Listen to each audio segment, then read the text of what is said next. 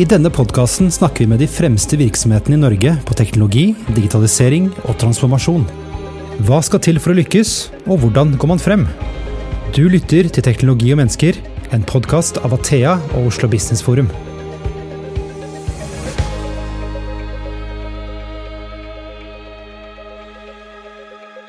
Da er vi tilbake med en ny episode i podkasten Teknologi og mennesker. Mitt navn er fortsatt Christian eh, Brostad. Et tips, hvis du abonnerer på podkasten, så kommer nye episoder rett inn i spilleren din. Og det er praktisk. Mange eksperter spår at kunstig, kunstig intelligens blir årets eh, teknologi. Bare fantasien vil sette grenser for hvordan AI kan brukes i samhandling, problemløsning, kunnskapsbygging, læring, informasjon og kreativitet. Så kunstig intelligens er kanskje vår tids største teknologiske revolusjon. Men det er mange kritiske røster, røster, også i skolen. De siste ukene har vi lest om elever som har levert inn oppgaver laget av AI-tjenesten ChatGPT. Skoleeiere forbyr for bruk av denne eh, teknologien, og danske universiteter eh, forbyr nå bruk av chatroboten på eksamen. Listen er lang, og den er fargelagt med begreper som juks, plagiat, og elevene ikke vil lære, osv., osv. Så så hva nå? Bør kunstig intelligens forbys i skolen, eller må vi endre skolen? Ukens eh, gjester eh, det er Sten Ludvigsen, som er professor i læring og digitalisering ved Institutt for pedagogikk ved Universitetet i Oslo. Og så har vi Elisabeth Palmgren, tidligere rektor ved Tegelverket skole, og nå leder for skolesatsingen i Athea. Velkommen til dere. Tusen takk. Eh, debatten i mediene de siste ukene har jo vært ganske intens, eh, Sten. Eh, hva tenker du om det du har lest i mediene siste uke om akkurat den chat eh? Jeg tenker at den eh, debatten preges av det typiske at det er noe hype eh, og overdreven skal skeptiske holdninger, og at løsningen på dette ligger et sted midt imellom, der vi må vurdere hva dette kan brukes til i skoleutdanning, og gjøre en kritisk vurdering av det. At det kan bidra på lang sikt i, til skolens utvikling, det er ikke jeg i tvil om. Mm. Og vi skal jo dykke ned i dette, men eh, Elisabeth, eh, du har vel lest alt som har vært skrevet om skole og kunstig intelligens? Ja, det er kjempespennende tider nå. Eh, det er jo en veldig polarisert debatt som det ofte blir når noe nytt eh, dukker opp og treffer skolen ganske kraftig, og det gjør det jo også nå. Eh, og så er det kanskje ikke så veldig annerledes i forhold til når pandemien også kom, og vi digitaliserte i ganske raskt tempo. Eh, nå er det kanskje en ny, litt annerledes type teknologi som, som treffer kanskje enda hardere inn i kjernen av det skolen liksom eh, tradisjonelt har hatt ansvar for. Da. Så det blir spennende å se hvordan det påvirker hvordan vi rigger oss i skolen framover. Kan du si at den type språkteknologi som nå har Eh, som er fremme, den har jo man utvikla over veldig lang tid. Første gang jeg erfarte dette her var faktisk tilbake på 90-tallet i Pittsburgh med miljøet rundt Carnegie Mellon og Herbert Simon og andre guruer i computer science. Uh, og så har dette vært en utvikling som har pågått over lang tid. Men det er jo først nå vi kan si at det store gjennomslaget kommer. Hvor stort det blir, eh, det er jo et spørsmål som vi må se på over tid. Men eh, språkteknologi i seg selv er jo et eh, ganske komplisert tema. Men intuitivt er det jo sånn at det blir lagd regler, algoritmene bygger på de reglene. Og avhengig av hva vi gjør med språkteknologien, så får vi jo svar på bestemte typer spørsmål. og noen av de kan være veldig imponerende, og andre kan være rimelig fulle av feil og mangler. sånn at det er en, det er en veldig spennende utvikling, fordi den er så tett på uh, språket som er så viktig for oss. Mm. Og det, eh, De siste månedene så har du rent inn med sånne AI-løsninger, så jeg tror vel kanskje at uh, dette har kommet nærmere folk. da. Og du uh, hadde jo en, egentlig en fin definisjon av hva denne chatboten er for noe. Den er jo trent opp på mengder av, av data uh, fra internett og mye tekst, liksom. hva er det liksom har, er det første møtet ditt med, med, denne type teknologi? Nei, altså Jeg har prøvd det før i, i, i noen sammenhenger, men det har vært mer forskningsmessige verktøy som mm. vi har brukt eh, for å gjøre eh, altså, sammenstilling av forskning eh, og se hva den type verktøy kan hjelpe for oss. Eh, men dette er jo en, ikke en liten gradsforskjell, men det er en stor gradsforskjell på hva den kan gjøre i mer sånn hverdagsarbeid når det gjelder eh, eller å arbeide med spesielt med tekst og tekstutvikling. Eh, Eh, og jeg har testet den ut på jobben, og på de områdene jeg kan best, eh, så vil jeg si at den fikk vel en god D, men eh, ikke noe særlig mer, for den er ikke presis nok i nyansene. Mm. Men samtidig så er det jo da sånn at da skal man vite veldig mye om et felt for å kunne gjøre den type vurderinger. Så sånn sett så er dette et, en utfordrende teknologi for oss, nettopp fordi den er basert på enorme mengder av data, og som gjør at den kommer opp med mer nyanserte ting, eller tekster, enn det vi nok har sett tidligere. Mm. Og du Elisabeth, du har vel brukt Du har kastet deg over dette verktøyet du òg, som alle andre? Ja, måtte jo prøve, prøve det ut. Mm. Uh, jeg syns jo det er spennende når, når, teknologi Det er første gangen jeg prøver noen sånn type teknologi, da. Uh, og jeg er jo tidligere faktisk også norsklærer, så jeg hadde jo lyst til å be henne om å skrive et essay for meg. Det var noe jeg syntes var litt vanskelig selv eh, en gang i tiden.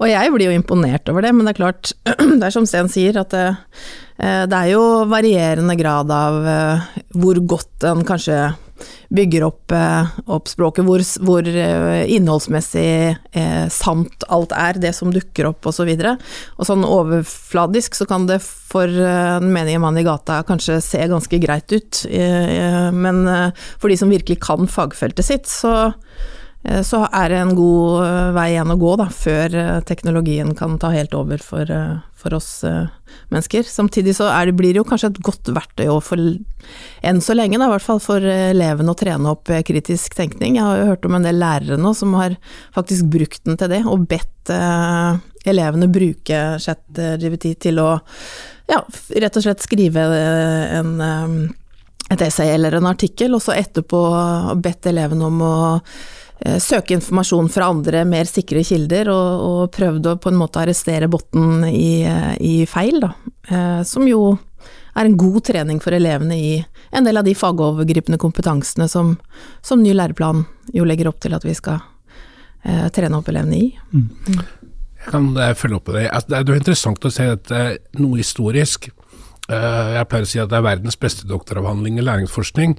Den består ca. 50% av sitater fra andre forfattere. Mm.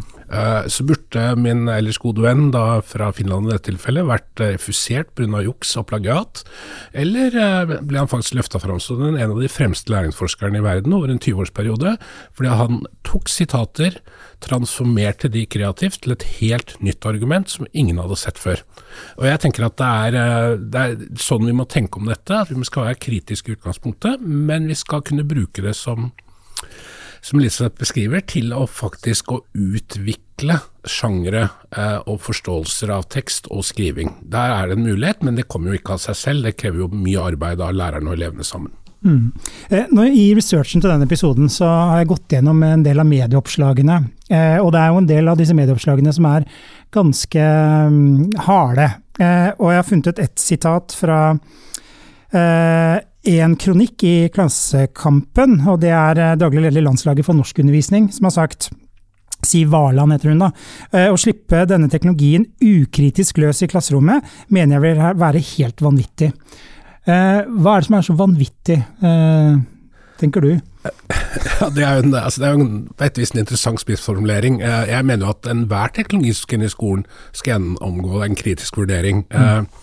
Den første doktoravhandlingen som jeg var så heldig å være leder fram, det var tidlig 2000-tallet. Da var klipp og lim Da tenkte man at det var juks, bare fordi at internett ga mulighet til det. Og vi sa at det stemmer ikke, fordi at elevene når de klipper limer, så finner de tekstelementer. Men det er jo det vi vurderer i etterkant, det er jo hva de tilfører teksten av ekstra kalimeringsverdi. Mm. Eh, så ja, vi får unnskylde lederen av norsk, uh, norskfaget Norsk Nå på å si at uh, jo, kritisk vurdering skal vi gjøre, men at dette kan være et potensielt godt verktøy, det tror jeg man må gå inn i og vurdere på en veldig nyansert måte. Mm.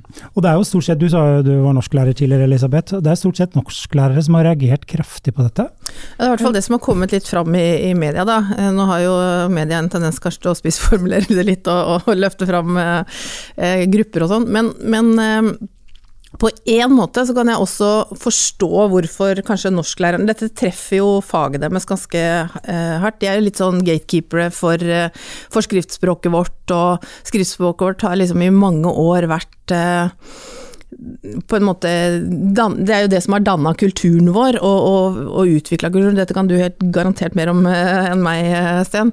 Men, men uh, jeg skjønner litt redselen, kanskje, da, for, for, at skriftspråket skal forsvinne. Fordi det har på en måte vært det som har Eh, vært grunnlaget for hele vår eh, informasjonsinnsamling gjennom generasjoner, og vært det som har gjort oss til at vi kan bygge vitenskap og, og kreativitet og, og, kunst og, og ja, juss og alle disse tingene her. Vi trenger jo på en måte en del av det kunnskapsgrunnlaget. Og så betyr jo ikke det at ikke vi kan fortsette kanskje å allikevel skape oss det da framover, selv om skriftspråket forsvinner, men, men på en måte at man blir litt sånn redd for hva skjer egentlig hvis skriftspråket vårt forsvinner, det skjønner jeg jo for så vidt at man, man blir litt sånn skeptiske til, da, eller har lyst til å reflektere litt rundt. Jeg vet ikke. Jeg kan ta en historisk linje. Altså De uh, snakkisene der uh, det miljøet er i, det var jo to ting forrige uke. Det var dette chat-GPT-robotene, og det andre var en runestein fra tusen og, tusenvis av år tilbake. Ja, stemmer det. Den hadde også et tegnspråk, en representasjonsform. Mm. Så hvis man ser dette, kall det evolusjonsmessig,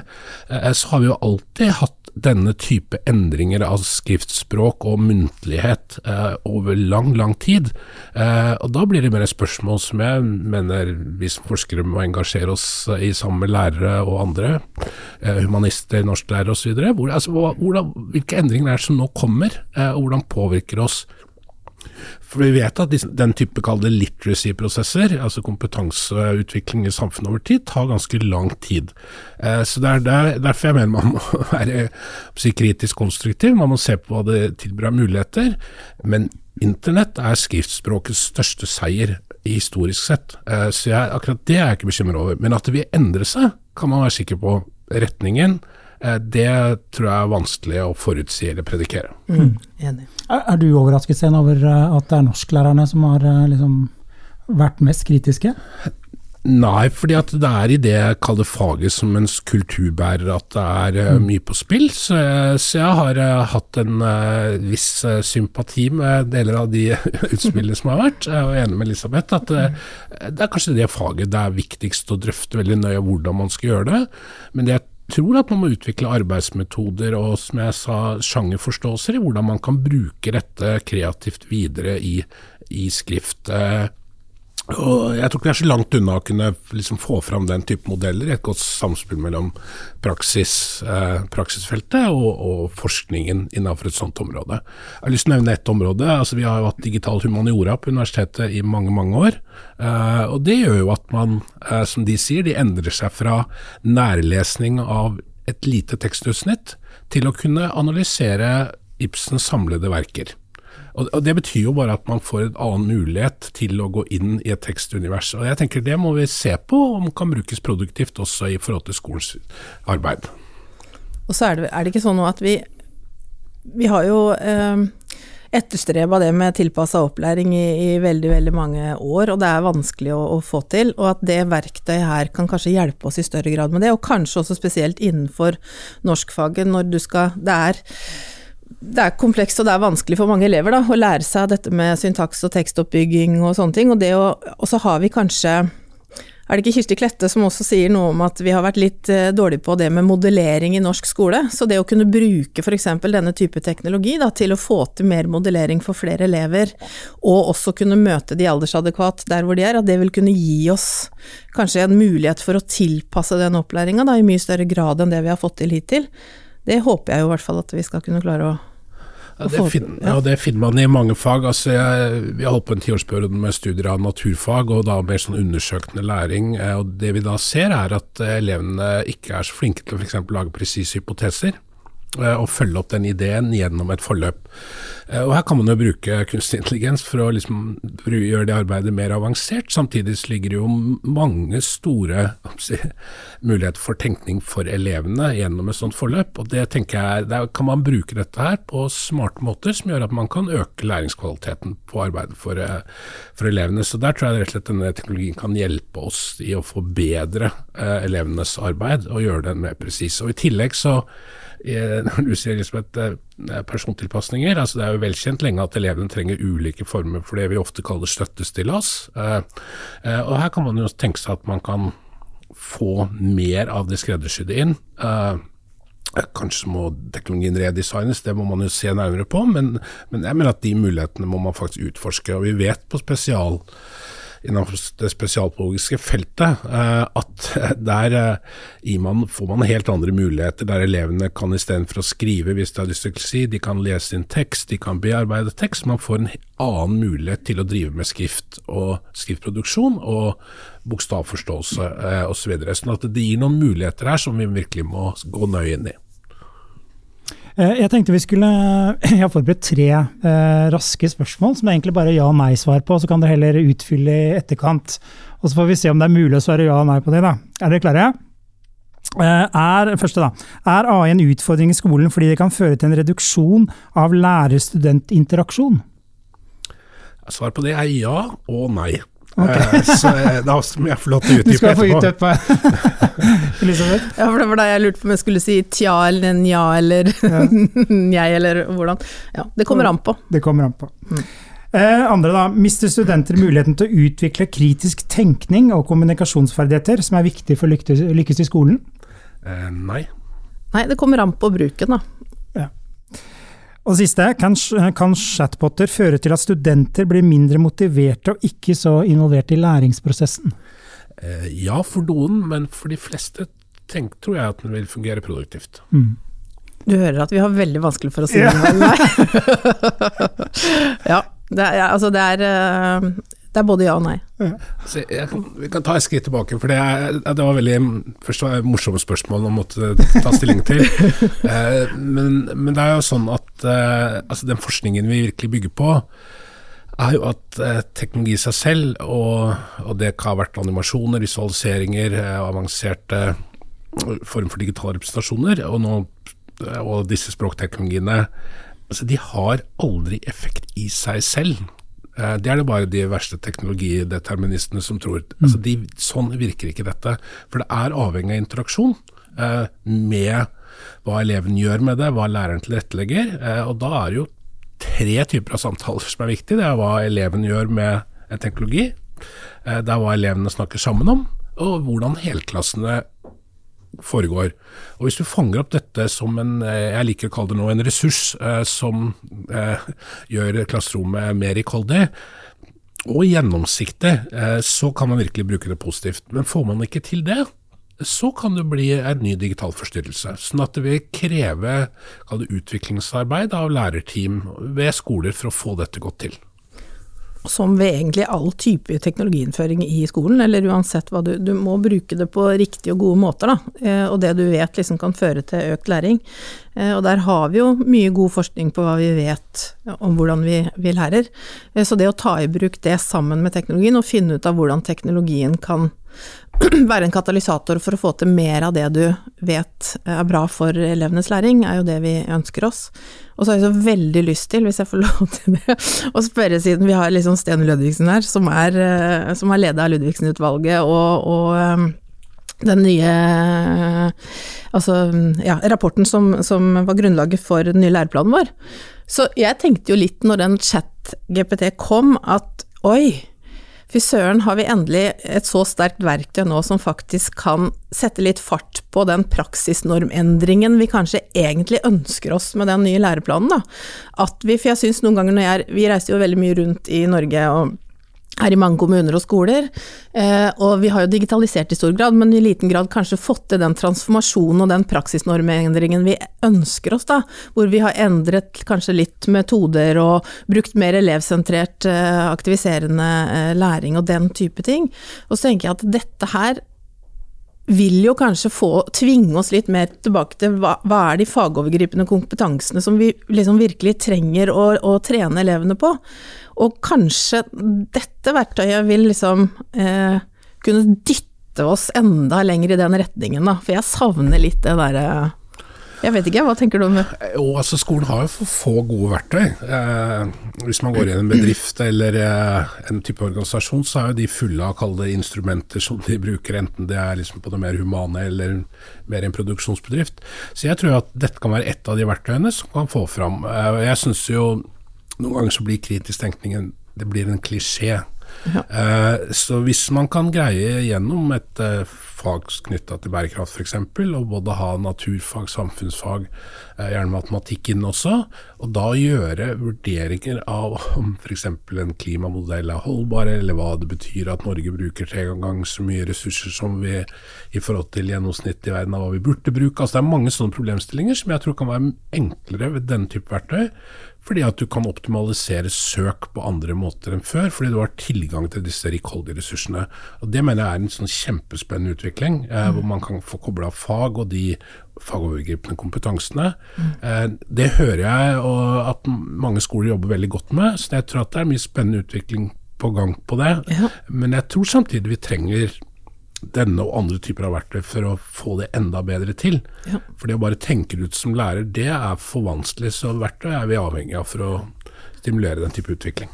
Så, men så opplever jeg på en måte at dette, dette er også det, det, tvinger oss litt til å reflektere over hvordan skolen er organisert i dag, og hvordan vi på en måte legger opp undervisningen, hvordan vi vurderer kanskje til og med hva læring egentlig er framover, og hva er det vi skal vurdere, hvordan er det vi vurderer Alle disse tingene her, da, at vi må på en måte ta en liten ny runde på, på hvordan vi faktisk legger opp denne læringen. Da. Det blir veldig vanskelig å jobbe tradisjonelt framover nå med med litt sånn uh, overføring av kunnskap, som kanskje vi har uh, gjort i noen år. At man uh, må ja, nå tror jeg nesten du må ha, vært, ha overvåkna PC-en min, for dette skrev jeg ned også.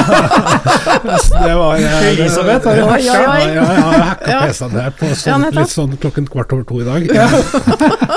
Nei, det er jeg veldig enig i. For jeg, altså, jeg tror at det er Eh, når det kom en eh, stipendiat løpende til meg på gangen og sa har du sett en ny, den er helt fantastisk, og så sa jeg ja ja ja, vi får vel se på det da. Eh, men så ble jeg da imponert, og så etterpå tenkte jeg litt, litt mer skeptisk til hva den skal brukes til. Men det er klart at det første jeg tenkte er som deg, altså at i sånne situasjoner så er det viktig å gå tilbake til hva er formålet med det vi driver med. Mm. Hvilke oppgaver skal løses, hva er oppgavestrukturene, hvordan skal lærere og elever jobbe sammen. Sånn at det er liksom en sånn liten breakdown ja. på, som vi da må drøfte og komme opp med nye løsninger. og Da er jo et sånt verktøy så kraftfullt at det tror jeg kan være produktivt for, for diskusjonen. Hvor man helt lander vil nok variere litt med hvilke trinn på skolen man er, liksom man er på barnetrinn, ungdomstrinn, videregående skole. Eh, og det er opplagt en del ting knytta til vurdering som vi må se på. som mm. nå, Det er jo fullstendig trivielt hvis du har tilgang, å lage en ganske, ganske brukbar tekst. Ja, Da må vi jo tenke på er det det mest produkt, produktive som vi skal gjøre i skolen, mm. eh, eller skal vi jobbe da med andre former for sjangerutvikling?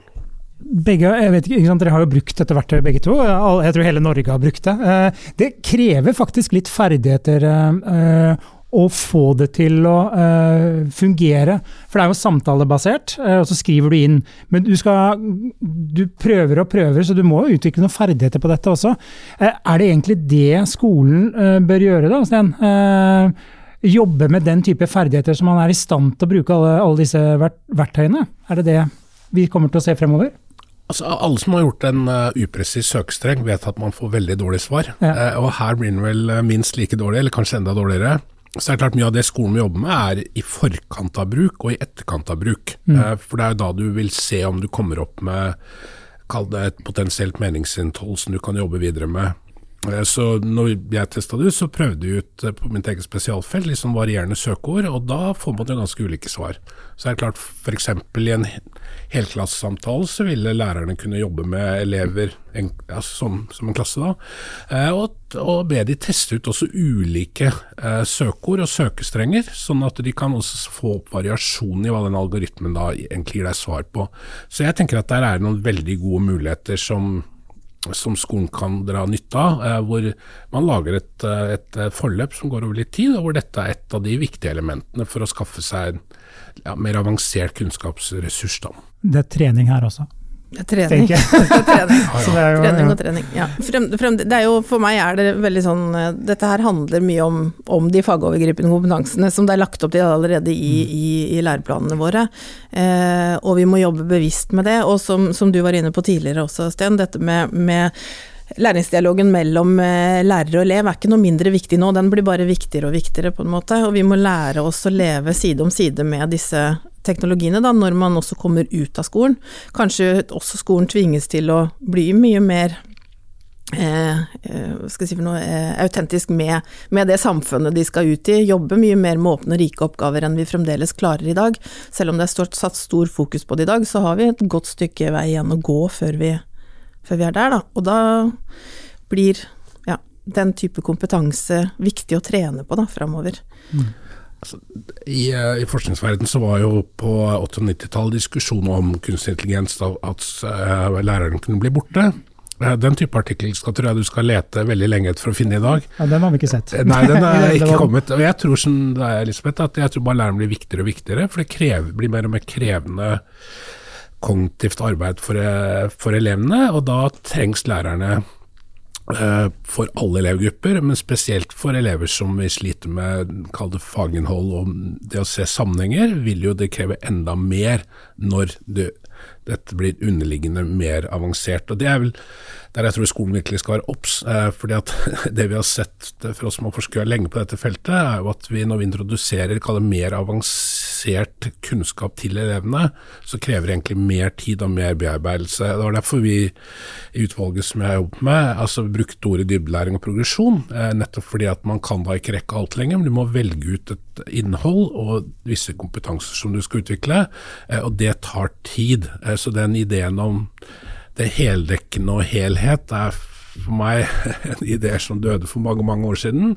Så vi må være selektive i hvilket, hvilke kompetanser vi mener at elevene faktisk skal utvikle. Mm.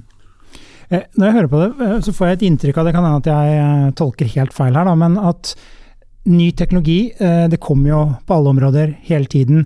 Er, er det sånn, Sten, at uh, skolen ikke har endret seg, men vi bare tilfører ny teknologi? Og en ting jeg tenker spesielt på nå, med denne chatboten, er jo det dere kaller vurderingspraksis. Det er det ordet jeg lærte her om dagen. Ja, ja. Hjemmeeksamen, eksamen osv. Er det sånn at vi, skolen står litt på stedet hvil, og så farer verden forbi uten at det skjer noe? Nei, det er ikke erfaringen min. Uh, altså jeg tror altså Utdannelsessystemet vårt skal være litt tregt. Og, og her er det viktig med å si litt, ikke tregt. Fordi at noen av disse endringene er raske, og vi må vurdere de, om, de liksom skal, om de skal fullt inn for kommende generasjoner. Så Derfor så er jeg, så det er fint at utdannelsessystemet er noe konservativt. Men jeg opplever at mange skoler etter hvert er flinke til å tar bruk digitalisering på fornuftige måter. Eh, og Det man vet fra forskningen er jo at de skolene som er flinke til å lage rett og slett god variasjon i arbeidsoppgaver, hvordan man utformer oppgaver osv., hvor man kobler digitale til gjerne lesning av tekst av en god gammeldags bok, eh, teste ut ting i praksis, prøve det ut i, ut i Det er de som over tid eh, lykkes med å utvikle elevene. Altså, det er ikke en sånn hører noen ganger at hvis liksom en fulldigitalisert skole, det ut som de skulle flytte inn i et spill. Eh, det er Metaverse, bare vent. Ja, det, ja det, da vil jeg gjerne komme tilbake og snakke om det, for det tror jeg ikke er noe god idé. Eh, så den variasjonen eh, tror jeg skal man virkelig søke etter å, å, å finne, og det ser man nå i hos noen skoleeiere at de balanserer kall innkjøp mellom digitale og analoge ressurser. Og Jeg tror det er fornuftig å finne, lete etter de balansepunktene. Men det er noen kompetanser som jeg mener skolen eh, må utvikle. for det, altså i, i, forskningen så har vi vært opptatt av digital kompetanse, vi er opptatt av det som kalles, ser på dårlig norsk, eh, kunstig intelligent typer av literacy. Eh, og Hvis man ser fem til ti år fram, så vil du måtte ha den type kompetanse til å håndtere avanserte søkefunksjoner, tekstgenererende teknologier, og hvis du ikke har det, så vil du ha problemer i arbeidsmarkedet. Nettopp fordi at det er en så stor del av det. Altså Det er jo ingen som vil at en arbeidstaker skal sitte i fem timer eller 50 timer og lære seg noe nytt. Hvis en maskin kan gjøre det på fem minutter, da tenker vi effektivitet. Uh, så der må vi vurdere hvordan vi bruker de teknologien for å lære, og noen ganger så må de ha de på plass for å kunne være effektive arbeidstakere. Jeg ser det, jeg jobber litt på tvers av utdanning og helse, eh, og ser jo at eh, på helse så har jo kunstig intelligens kommet inn på visse områder, men ikke på alle. Røntgen er vel det området kanskje det har kommet veldig langt. Eh, så der må vi også differensiere hva som er potensialet i forhold til det spesifikke den teknologien kan gjøre for oss. Hva er din opplevelse, Elisabeth? Står skolen på stedet hvil? Nei, de står absolutt ikke på stedet hvil. og, og Eh, vi fikk jammen god eh, drahjelp av pandemi, pandemien nå, så det har skjedd ganske mye. Og som også har tvunget oss gjennom å reflektere over liksom, hva er det vi egentlig eh, skal holde på med i skolen, og hva er det vi må prioritere og sånn. Og så er det det der til enhver tid å være bevisst på de elevene du har, har foran deg, og klare å tilpasse til de. Eh, og så syns jeg kanskje at eh, når det kommer til vurderingspraksis, da, så syns jeg kanskje det har gått litt treigt eh, de siste årene. Jeg var jo veldig inspirert av deg, Sten Henrik, når, du, når jeg starta åpna Teglverket skole, eh, og fikk, var heldig å få noen samtaler med deg da. Eh, og ønsket på en måte å, å, være tidlig ute da, med å prøve å ta det inn over eh, oss i skolen. Jeg tror at noe av det som eh, som jeg allerede opplevde den gangen, var at hva, hva, hvis vi begynner å jobbe på denne måten nå, eh, hvordan er det det slår ut på eksamenselevene våre da noen år fram i tid? Og da hadde jeg også tett dialog med Utdanningsdirektoratet på det, men så etter hvert så fant jeg ganske trygghet i at vi kan eh, ja, eksamensformen eh, fungerte i hvert fall eh, noen år til, men akkurat nå så er jeg litt i tvil om hvor lenge vi kan stå i den type vurdering lenger, da. Eh, sånn som, sånn som det er nå, og at det bør gjøres noe med, og at vi kanskje kunne begynt den jobben for et par-tre år siden, da. I hvert fall. Altså jeg kommer rett fra en lunsj hvor Power-kollegaer sa at de før uh, ChatGPT uh, kom, uh, for de ble oppmerksom på det, det var bare noen uker siden, så sa de at de hadde gitt en hjemmeeksamen som var en relativt åpen oppgave, å levere en tisiders tekst. og den ideen har jo kollapset, rett og slett, mm. de siste 14 dagene, eller tre ukene. fordi at nå må vi tenke mye mer avansert. Og jeg tror at det som eh, Elisabeth jobba med, med, å få mye mer det vi kaller i pedagogspråk for formativ vurdering, at det er en løpende oppfølging, så vil ikke det juksproblemet være sentralt. Men det blir jo på en eksamen hvor du venter seks måneder, ett år, to år før du prøver noe, og da må man jo få det i komprimert form. Så, så noe av det virkelig skolen må utvikle og bli mye mer variert på, er uh, vurderingspraksiser der du er mer på kontinuerlig utvikling enn uh, du er på en sånn sluttvurdering etter en lang tid. Og det er, Mange lærere jobber jo sånn, men jeg tror der trengs det nok at vi virkelig ser på eh, det systemiske, i betydning litt sånn nasjonalt system, men hva betyr dette også for enkeltlærere og elever i klasserommet, som trenger å få uh, sannsynligvis uh, mye god og høyt kvalifisert type feedback. Så det blir vurderinger gjennom hele året, og så muntlig eksamen? Er det dit du går? Ja, jeg kan si litt spøkefullt, så har du vel litt rett for i hvert fall de der jeg underviser om dagen, at det er vel det vi har landa på. Men jeg tror vi må tenke klokere de neste månedene om dette. Og vi må tenke oss om, for det er virkelig en sånn uh, game changer som eh, vi ikke så kom med den kraften den gjorde. Så det mm. tror jeg vi har veldig godt av. Mm. Eh, jeg hadde en litt sånn uformell uh, spørreundersøkelse på Instagram i går. Uh, og liksom, hvilke spørsmål er det dere vil stille uh, panelet? Og hvis jeg tolket det riktig, da, så tror jeg kidsa egentlig bare skrev 'dette elsker vi'. og mens de voksne var veldig problemorienterte, da. Eh, det som slår meg litt, kanskje, da, hvis vi tar parallellen til eh, hvis, um, altså, utdanningssystemet vårt, liksom, måten vi, det som ligger i lærerutdanningen, da, er det nok av dette i lærerutdanningen, eller kommer lærerne ut med litt sånn gammel metodikk, og nå snakker jeg over evne her, men at det bare er litt sånn irrelevant kompetanse når man kommer inn i skolen når verden går så fort? Altså, jeg det var mye babbel. nei, det var, det, det var godt intuitivt spørsmål, syns jeg. Nei, altså, jeg altså, Lærerutdanningene er jo todelt. De har jo en, eh, en fagdel, eh, og for meg så er eh, altså fagene i skolen er alltid viktig. Er, vi tenker gjennom fag, enten det er matte, naturfag, norsk, eh, samfunnsfag osv. Og, og så har vi disse kompetansene som utvikler seg på tvers over tid. Eh, og jeg tror at For lærerutdanning så vil den største utfordring bli flinkere på de altså, å koble det fagorienterte til de mer altså de overgripende kompetansene.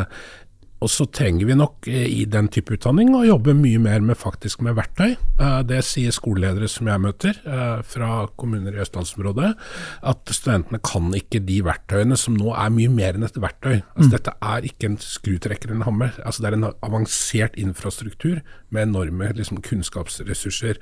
Og Der tror jeg de som vi andre må gjennomgå en prosess de neste ett til to årene, hvor man virkelig ser på om man utdanner lærere med, som også har kall det, prosedyreferdigheter eh, og forståelse av hvordan disse verktøyene kan brukes eh, for, eh, for, elevenes utvikling.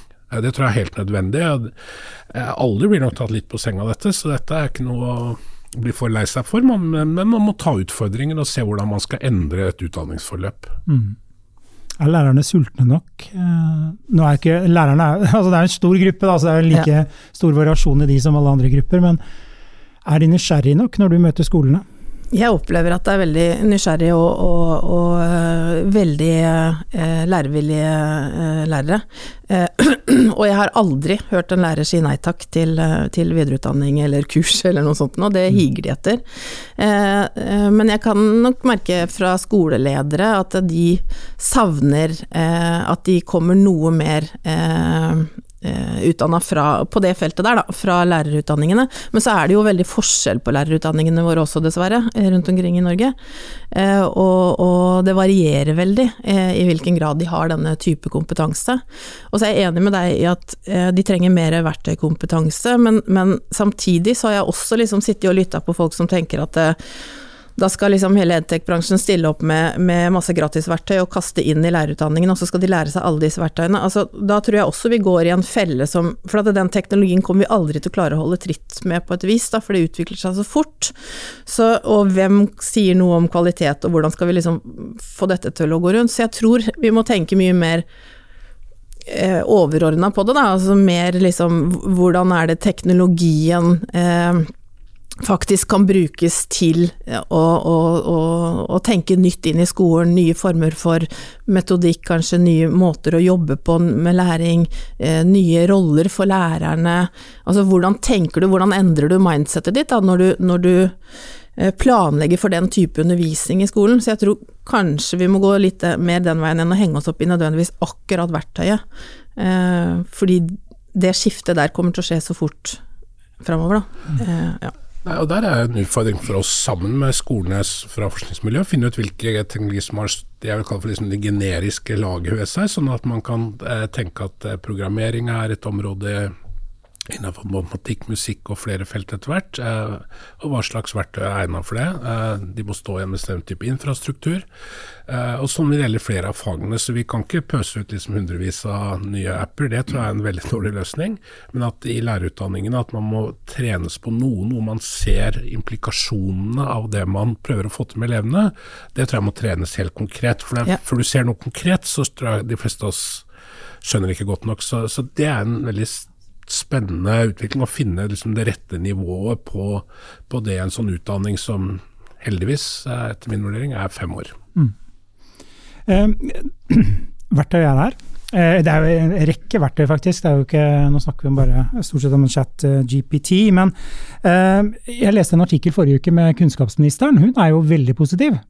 Uh, og kanskje litt sånn balansert positiv, for jeg opplever at dere også er veldig sånn, positive til dette. Uh, det er eh, mye prat om regulering, her må det komme noen forskrifter eller noen regler på hvordan dette skal anvendes i klasserommet. Da. Eh, skal det være opp til læreren, er det politikerne som skal inn her? Hvordan skal dette eh, reguleres? Altså, jeg tror det å legge dette på enkeltlærere blir feil. Altså, dette må ligge på skoleeierleddet, som vi vil si, eh, som er kommunenivå. Mm. Eh, så de får en oppgave.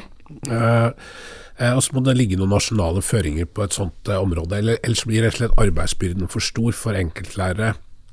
Eh, og Her kan man nok si at det er en svakhet ved den norske skolestrukturen. Altså Jeg tror jo ikke at Kommune-Norge på skolesida, nå husker jeg ikke hvor mange kommuner vi har igjen, 250-300, altså de er jo ikke rigga for å håndtere denne type utfordring. Det er de færreste. Uh, det er noen få kommuner som har utvikla kompetanse til virkelig å, liksom, til å digitalisere seg på fornuftige måter. Så jeg greier ikke å si at det er noe annet enn noen nasjonale føringer, men så må kommunene eh, også rigge seg kompetansemessig til å håndtere dette. Enkeltskoler og enkeltlærere det blir fryktelig fryktelig komplisert. Og dette er jo ikke en sånn strømbryter vi kan gå bort og skru av på. Så, så her trengs det å gjøres noe relativt raskt arbeid, syns jeg, nasjonalt og på, retta mot kommunesektoren for å få de reguleringene på plass. Eh, og Da kan man også gi seg selv litt tid til å prøve ut ting underveis, sånn at man kan finne fornuftige løsninger. Mm. Og så tror jeg det er veldig viktig å balansere det. Vi har jo store og små kommuner også, og hvis du adder på på en måte personvern og sikkerhet på toppen av det hele, da, eh, så skal liksom kommunene Vi ser jo veldig det når vi er rundt og jobber med kommunene, at de små kommunene de har jo ikke den samme på en måte kapasiteten til å håndtere alle disse, verken teknologiene eller, eller eh, De skal kjøre ROS-analyser og de skal kjøre det ene og det andre. Eh, det er verken økonomi eller kompetanse på det da, i hver enkelt kommune. Så jeg tror vi må få noe nasjonale, noe nasjonal hjelp og noen nasjonale føringer som gjør at Men vi må passe på at ikke det blir at man skal enten skru det av eller på, da. Vi må ha en balansert, på en måte, føring eh, fra nasjonale myndigheter som gjør at læreren fremdeles kan være fleksibel i, i, måten å møte elevene, for at elevene har ulike typer behov, de må møtes på ulike måter. Da. Så det er jo ikke sånn at uh,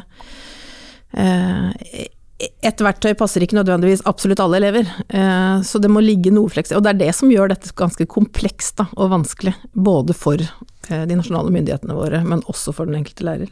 Ja. Altså, jeg vil bruke et eksempel utenfor skolen som jeg har fra en god kollega av meg på Institutt for informatikk. Eh, og når eh, et kjent selskap som handler om jordbær, eh, så da har vi tatt reklamen om det.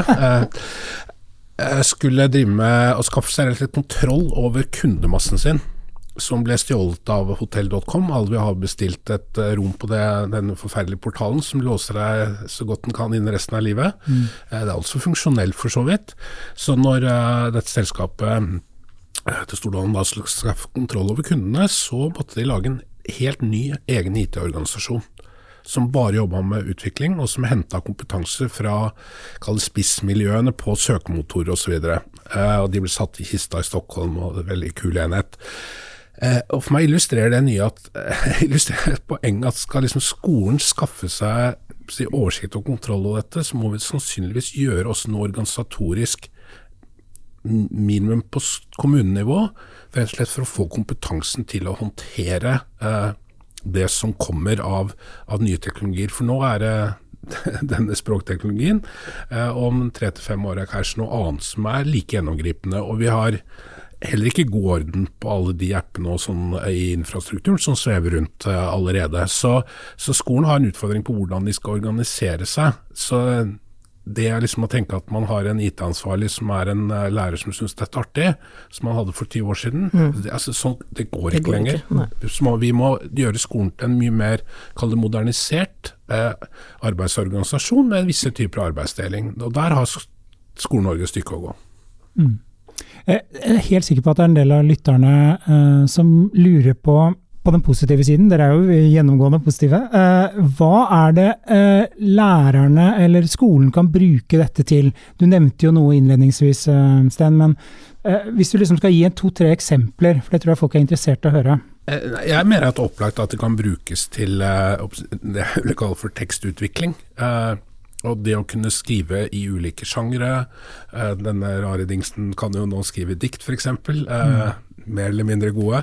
Så jeg ville tenke at dette er en del av en skriftspråkutvikling, eh, der man eh, kan teste og sammenligne ulike sjangre, eh, og det vil være en viktig del. Og det gjelder ikke bare i norskfaget, det vil gjelde i, i naturfag.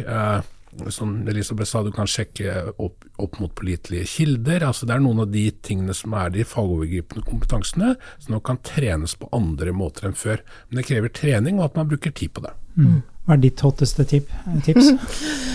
Jeg har jo vært inne på det, dette med, som Sten sier nå, trene de fagovergripende kompetansene. Men så har jeg jo lest en del fra lærere i det siste som har liksom delt litt sånn helt konkret av hvordan de har brukt det. Og den ene var jeg vel innom i stad, hvor de hadde fått uh, ChatGPT til å, til å um, utvikle en tekst, og så har elevene etterpå skulle gå over den teksten og lære av den og prøve å analysere den og, og finne ut om kildene er pålitelige, om det er god nok syntaks og uh, alt dette her.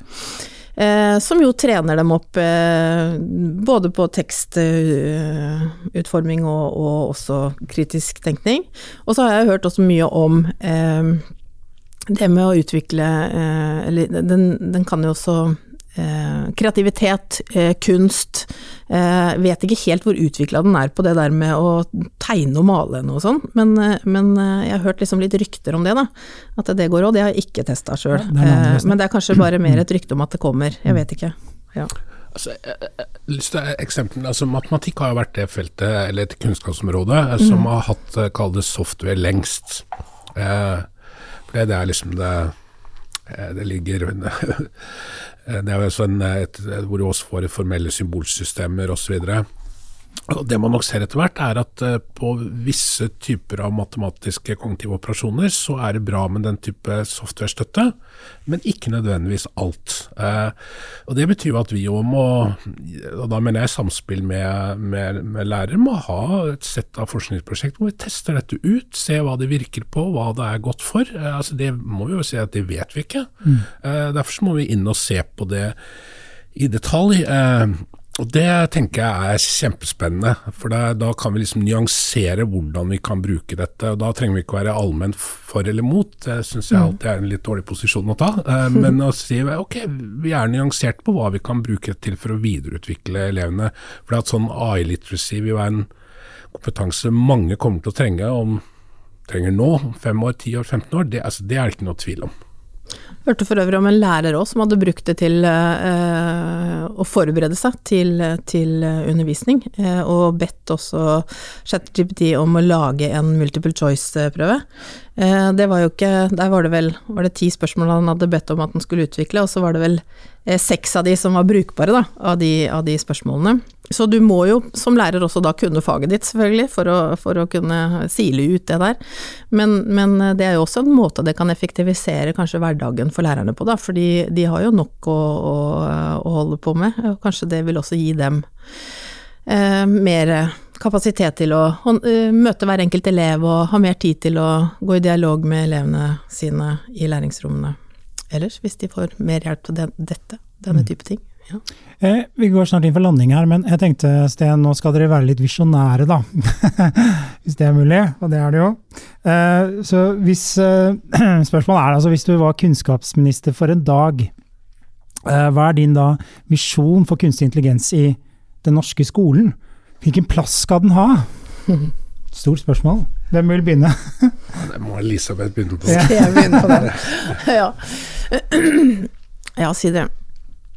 Altså, jeg, jeg, tror kanskje det handler om, for min del, at eh, generelt sett, teknologi kanskje, da, eh, det, det, må vi lære oss å leve med. Vi, der digitaliseringen har kommet eh, for å bli. Eh, språkmodeller som dette har kommet for å bli. Så vi må lære oss å leve side om side med det, og, og lære oss å håndtere denne type eh, teknologi for å kunne eh, videreutvikle velferdssamfunnet vårt og, og danne og utdanne eh, elevene våre. Så jeg vet ikke om det var en klar visjon, men, eh, men mm. work with it, not against it. Ja. Ja. Jeg var så heldig at jeg fikk lov til å lede et arbeid med framtida skole. og Der fikk jeg vel litt uttrykk for det jeg tenkte at skole er viktig for skolen framover. Jeg tenker det er to ting som er kjempeviktige knytta til digitalisering, og det er altså det skal fremme at elevene får en mestring og en dypere forståelse av innhold. Eh, og så må vi bruke disse verktøyene for å monitorere og utvikle deres progresjon. Eh, sånn at vi ikke får disse skrekkoppslagene som vi får i mer enn eh, noen ganger, at eh, elever blir glemt over flere år. Eh, så jeg tenker at det er den store visjonen for meg, at eh, hver dag skal alle elever oppleve et, eh, en viss mestring ved å møte oppgaver på skolen som de syns er spennende. Så når kidsa sier at dette er kult og foreldrene er litt mer skeptiske, så tenker jeg at uh, utviklingen bør liksom tilpasse seg begge grupper. Men, uh, men, jeg tror at det er viktig at vi lærer å jobbe som sier, med disse teknologiene, og så vurdere hva de kan være med å gjøre for et arbeid. For det er jo sånn at uh, menneske og teknologi som podkasten handler om. Eh, for meg så er det kall det kollektiv intelligens. Altså Det er rett og slett hva vi kan gjøre sammen. Mm. og Det er det som må være den, liksom, den store visjonen eh, framover. Hva vi faktisk kan få til. Og Norge trenger kunnskapsintensiv industri, høyt avansert utdanningssystem osv. Og, så og da må vi ha de ambisjonene hvor vi kan jobbe med teknologien på kritiske og konstruktive måter. Mm. Det var bra ord på slutten. Tusen tusen takk Sten og Elisabeth for at dere kunne være med, og tusen takk til deg som har lyttet på. Du har nå lyttet til Teknologi og mennesker, laget av Athea og Oslo Business Forum. Liker du podkasten, setter vi stor pris på om det gir oss noen stjerner. Og tips gjerne en venn om podkasten.